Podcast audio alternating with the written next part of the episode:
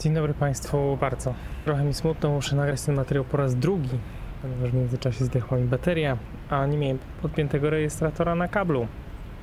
A to oznacza, że ostatnio nagrywany plik szlak trafia bez względu na to, jaki był, a, jaki był długi. Nie wiem, czy gdzieś w opcjach Zoom H8 da się to zmienić. Jeżeli tak, to dajcie znać, bo mi się dłubać nie chce, czasem ich po prostu nie wyobrażam. I tyle.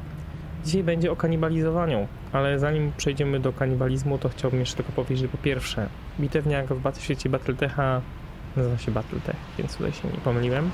A po drugie z Householdem, czyli tym włoskim RPG, który opowiada o życiu małych istotek, takich trochę jak elfy czy wróżki, to jest takie małe, będzie też opóźniony, więc e, no nie najlepiej z tego względu, że on dopiero teraz był Teraz przechodził przez beta testy pod koniec e, ubiegłego 2022 roku i niestety pójdzie do druku dopiero gdzieś w okolicach drugiego kwartału pewnie tego roku.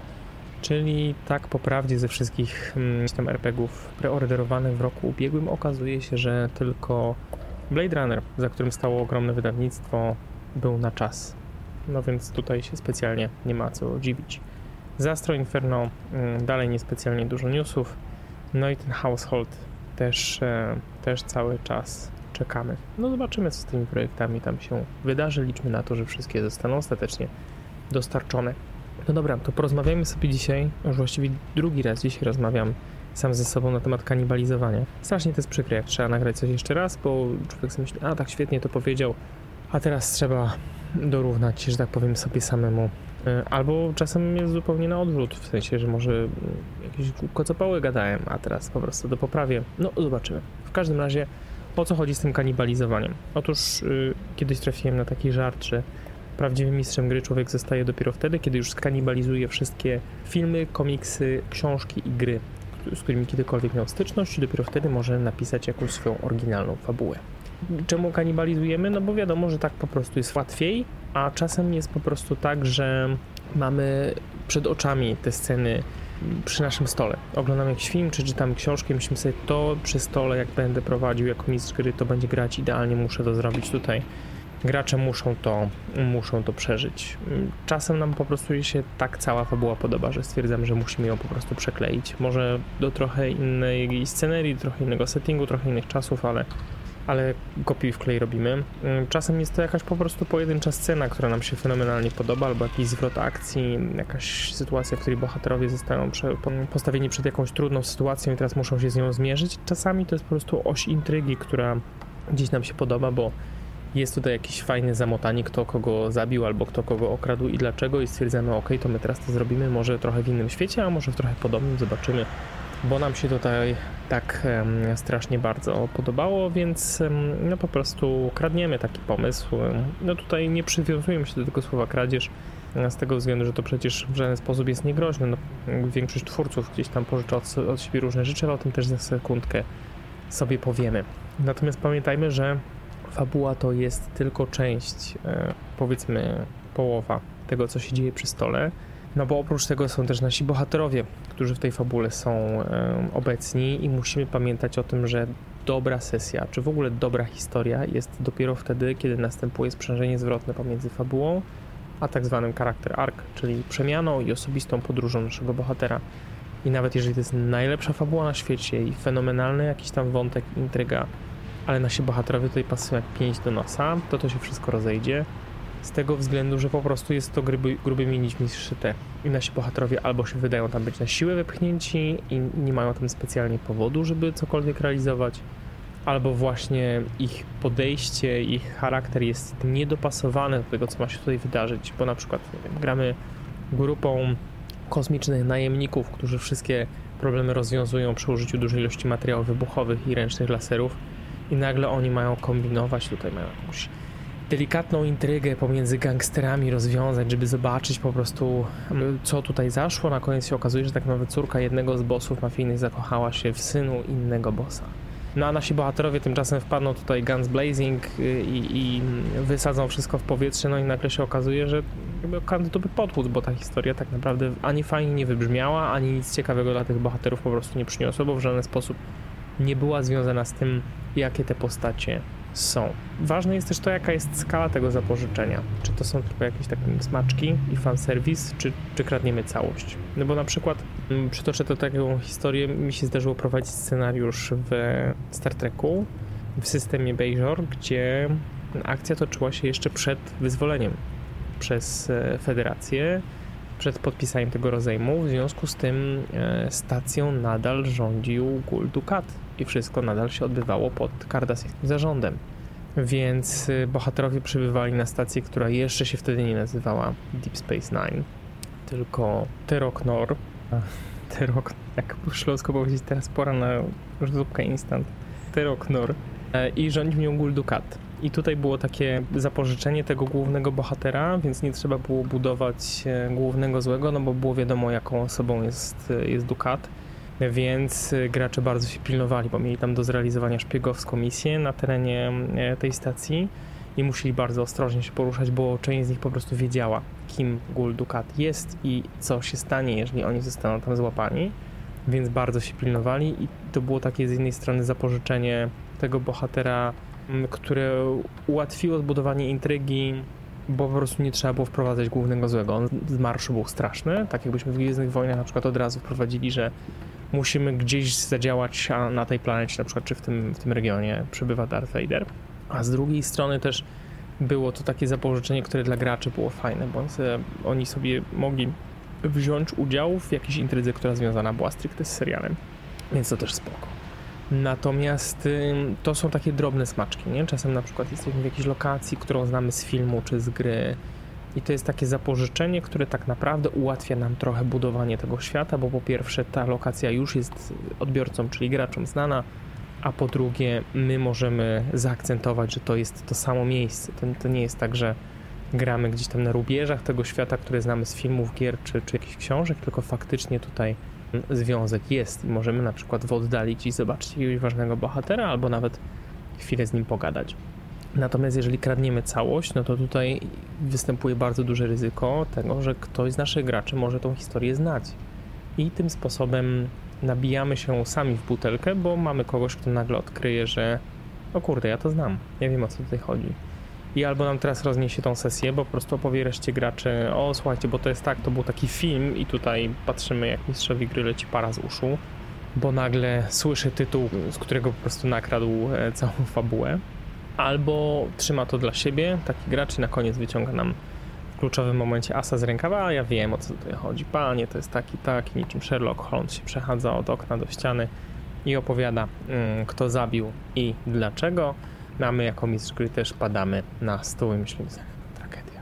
Nie okłamujmy się, ja też wielokrotnie na takich sesjach, zwłaszcza za młodych lat siedziałem, które były bezczelnie kradzione i ich największymi grzechami właśnie było to, że po pierwsze nie były dopasowane do fabuły, a po drugie były zerżnięte w całości z bardzo niewielką ilością modyfikacji. W związku z tym gracze szybko się orientowali, co tak naprawdę się dzieje. Nie okłamujmy się, ja także byłem, przy, siedząc przy tym stole, czasami mistrzem gry i też bez, e, bez żadnego, no nie bezwiednie, no bo jakby celowo, ale bez żadnego głębszego zastanowienia się kradłem te wątki i zmienia, nie zmieniałem miejsca specjalnie, także jeżeli trafiłem na gracza, który wiedział akurat z czego to ukradłem, no to nagle się okazywało, że mistrzem gry i jakby osobą tworzącą wątki jestem raczej marną z tego względu, że bardzo łatwo było przejrzeć te karty, jak już połączyliśmy kropki i się okazało, że aha, to jest scenariusz tego tego filmu, czy z tej, tej książki, czy ta i ta sekwencja scen z pewnej gry. Czasami jest tak, że bardzo chcemy, żeby gracze coś przeżyli, tak jak my to przeżyliśmy w filmie, czy w książce, czy w grze i myślimy sobie, to jest tak świetne, po prostu oni muszą, muszą tego doświadczyć, tylko teraz przedstawionego przeze mnie w, w ramach tej sesji. Natomiast pamiętajmy o tym, że po prostu czasem możemy graczom powiedzieć, słuchajcie, zagrajcie w to, albo im to opowiedzieć, niekoniecznie, niekoniecznie kanibalizować to jako scenariusz, bo nie wszystkie wątki w ramach RPG się po prostu obronią, a chyba największym grzechem, który często mistrzowie gry popełniają przy takim kanibalizmie jest to, że umieszcza się tam bohatera, który już faktycznie tam był. W związku z tym to teraz nie gracze są protagonistami, to się tak naprawdę zmienia w, w questa eskortowego, gdzie my po prostu idziemy za jakąś postacią, która już w tej intrydze jest, i obserwujemy, co ona tam sobie robi, z kim gada, jak przeżywa swój story arc. No, widzimy te wszystkie sceny w, w teatrze naszej wyobraźni i ewentualnie możemy sobie poturlać, żeby tam pomóc przy różnych rzeczach, ale to nie jest historia naszych bohaterach. I tutaj wracamy do tego, o czym mówiliśmy na początku, że najważniejsze jest właśnie to, żeby te postacie tutaj były dobrze w to wszystko, dobrze w to wszystko wpięte, bo to sprzężenie zwrotne musi, musi występować. Pamiętajmy z drugiej strony, czy już w tej chwili z piątej, że oryginalnych historii jest niewiele. W kółko opowiadamy te same historie w różnych czasach, w różnych settingach, z pewnymi zmianami, ale to są w dużej części te same stare mity, które nam towarzyszą od czasu, kiedy pierwszy Bart, czy jak go wtedy nazywano, jakiś szaman opowiedział pewną historię przy ognisku po raz drugi, powtarzając ją tam po kimś. No pamiętajmy, że te oryginalne historie raczej nie były spisywane. I no, tutaj powiedzmy sobie górnolotnie, czasem się faktycznie zdarza, że stajemy w szeregu po prostu z tymi wszystkimi twórcami, scenarzystami, dramatopisarzami, pisarzami, poetami, którzy przez e, setki, jeśli nie tysiące lat opowiadali pewne historie, bo chcemy zadać te same pytania, chcemy sprowokować ludzi do tego samego zastanowienia na temat tych samych aspektów naszej ludzkiej natury, czy, czy zastanowić się nad tym, jak my byśmy sobie poradzili w pewnej sytuacji. I to jest jak najbardziej w porządku.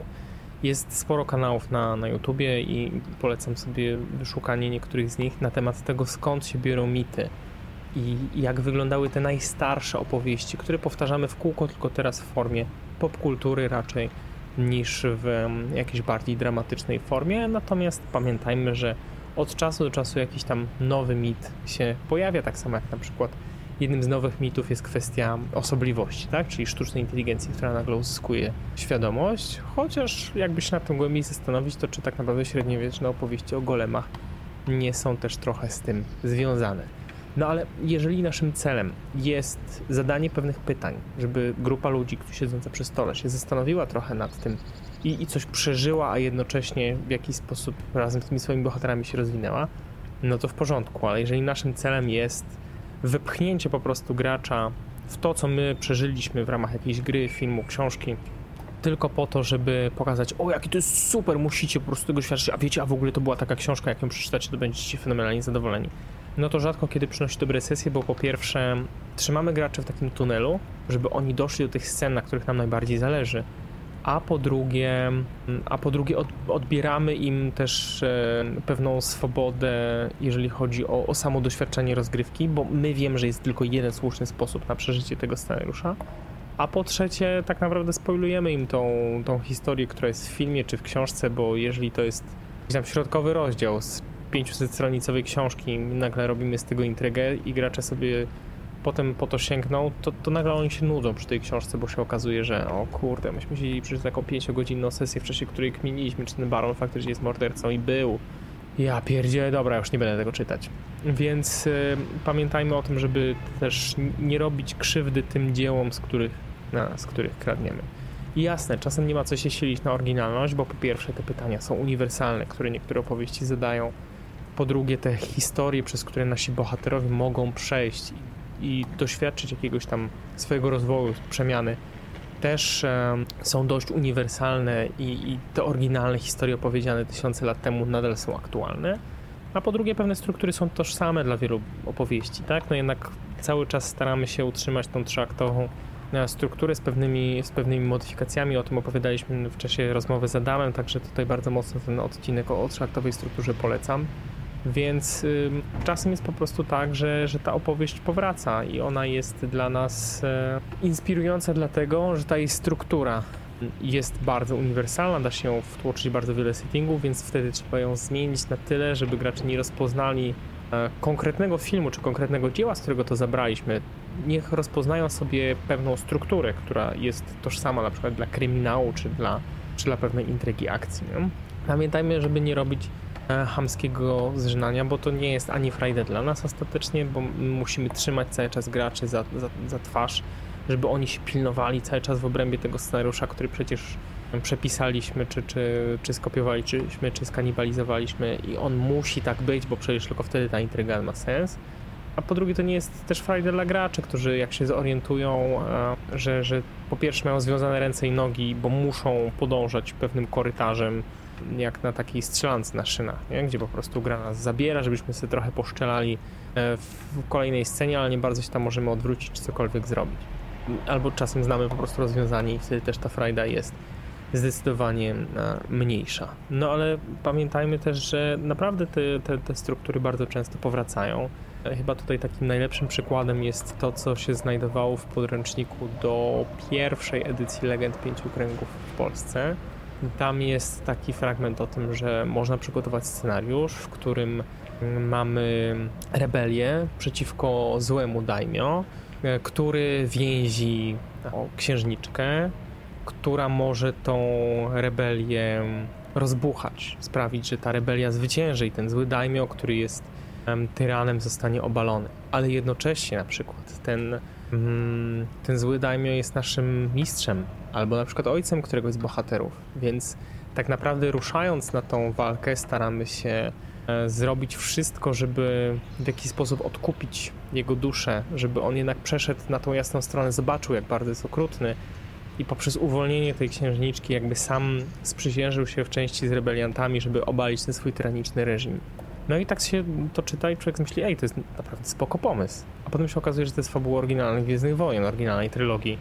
Więc pamiętajmy o tym, że no, różne rzeczy po prostu w różny sposób będą rezonować w różnych settingach i różnie będą do nas docierać, ale mm, jeżeli możemy do tego dodać odrobinę swojej przyprawy, jakiejś oryginalności, fajnego twistu fabularnego, to nawet jeśli gracze będą przez pewien czas myśleli, ej, wydaje mi się, że to jest ten film, a potem nagle się okazuje, że my idziemy w kompletnie inną stronę, to może być takim pozytywnym zaskoczeniem i też pewną, pewną satysfakcją. Pamiętajmy też, że możemy robić e, sequel albo prequel i rozwinąć pewne wątki, pozwolić na spotkanie jakichś ikonicznych bohaterów, to o czym mówiliśmy przy okazji e, Dukata, i wtedy się sprzymierzyć z nimi albo właśnie zmierzyć.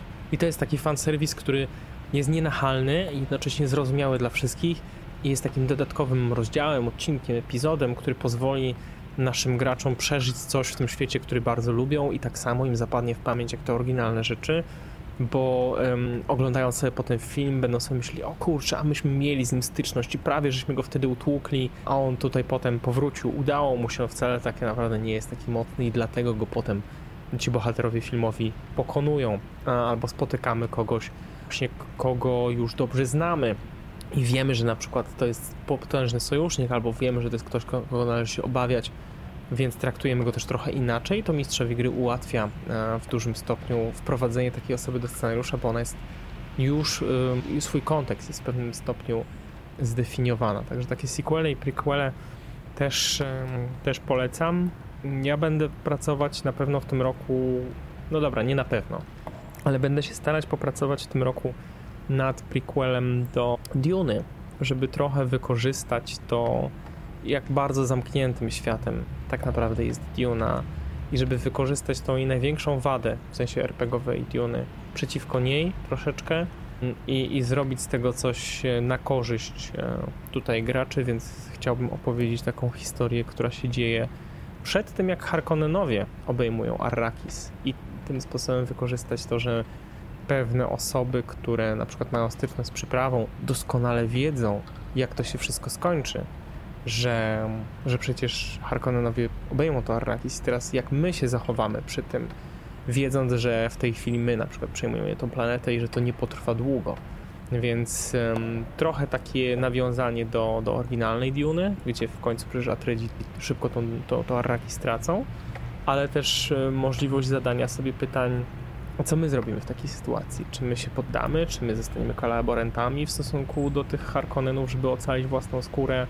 Jaki jest tutaj nasz pomysł na to wszystko? No ale to jest też troszeczkę inny rodzaj kanibalizmu, bo ja wspominałem wielokrotnie już o tym, że ta Duna po prostu się okazała niezbyt dużym sukcesem z tego względu, że ten świat jest bardzo zamknięty i ma jedną konkretną opowieść, która tam jest e, poprowadzona.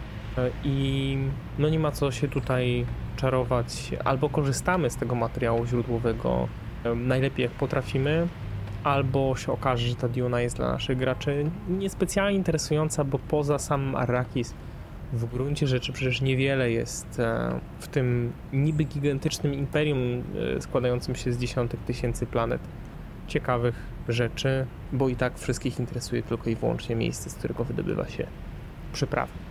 Także drodzy mistrzowie gry, kanibalizujmy, ale z głową. Jak chcemy opowiadać historie, które są opowiedziane w naszych ulubionych światach, to zastanówmy się po pierwsze, jak one rezonują z naszymi graczami, a po drugie, jakie pytania zadają, na jakie pytania odpowiadają, bo to jest przecież główna idea mm, snucia historii, żeby nad czym się potem zastanowić, czy przeżyć jakąś przygodę, która nas w jakiś sposób nie tylko rozbawi, ale też, e, ale też ubogaci i sprawi, że coś sobie tam wewnętrznie przeżyjemy. Oprócz e, wielkiej radości z wyrzucenia wyjątkowego sukcesu podczas ataku na bossa, ale pamiętajmy też o tym, żeby, żeby kanibalizować z głową. No i to chyba na tyle. A nie, jeszcze nie na tyle, bo ja w ogóle ja wyszedłem do tego materiału o kanibalizowaniu z trochę innej perspektywy, bo ostatnio czytałem książkę, której kilka słów powiem. Widzicie, już mam kończyć się okazuje, że jednak nie. Bo się dodatki skończyły po prostu. Mm, czytałem sobie książkę polskiego autora, Cezarego Zbierzchowskiego i pan Cezary Zbierzchowski napisał kilka powieści, które się dzieją w tak zwanym uniwersum Ramy, jak on to, jak on to nazywa. Rama jest jednym z, z krajów, które w tym świecie się znajdują i powieść nosi tytuł Distortion. To jest, to jest polski tytuł. Polski tytuł to jest Distortion. Nie jakieś zaburzenie, zmiana, zniekształcenie, tylko, no, tylko Distortion, no bo tak się nazywa baza, którą tam zostawili koalicjanci w domyśle Stany Zjednoczone w, w tym miejscu, w którym ostatecznie bohaterowie docierają. I tam jest kupa fantastycznych wątków, jeżeli chodzi o takie drobne o takie drobne, drobne historie związane z codziennym żywotem żołnierzy, którzy są na misji w tym kraiku graniczącym z Ramą, gdzie się odbyła rewolucja.